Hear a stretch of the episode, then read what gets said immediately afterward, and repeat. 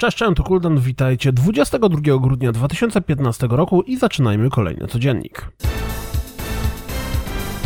Wszyscy fani Call of Duty powinni sprawdzić filmik zapowiadający nadchodzące DLC. Warto zobaczyć jak wygląda 30-sekundowa zajawka Uncharted 4 The Thief's End pokazywana przed Gwiezdnymi Wojnami. Robi robotę. Co powiecie na połączenie XIX-wiecznego Paryża z antropomorficznymi zwierzętami i stylem gry Phoenixa Wrighta? Dziś na Steamie premierem ma gra Aviary Attorney, która jest dokładnie takim połączeniem. Zwiastun wygląda bardzo zachęcająco.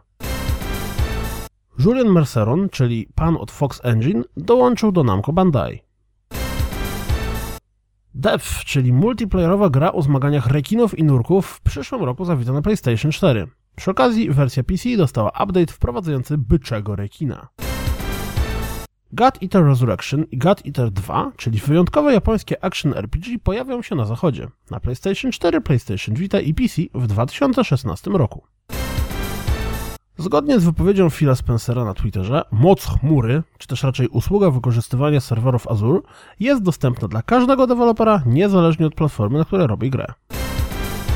Poznaliśmy gry, które będą dostępne w styczniu w usłudze Games with Gold. Na Xboxa One będzie to Killer Instinct Season 1 Ultra Edition i Zeros, na Xboxa 360 Dirt Showdown oraz Deus Ex Human Revolution. Jeśli lubicie klasyki, to może ucieszyć Was fakt, że Super Mario RPG Legend of the Seven Stars oraz Super Mario 64 DS pojawią się w update'cie i shopu w ramach Wii U Virtual Console. W dzienniku deweloperskim twórca Unravel opowiedział i pokazał trochę o budowaniu świata gry. O jejku, jejku, jejku, jak to cudownie wygląda.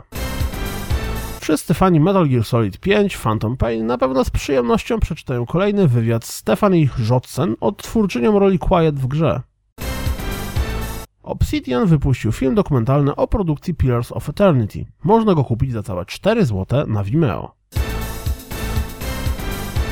To wszystko na dziś, jak zawsze. Zapraszam na naszą stronę www.rozgrywkapodcast.pl. Zapraszam do wysłuchania specjalnego świątecznego odcinku podcastu i mam nadzieję słyszymy się jutro.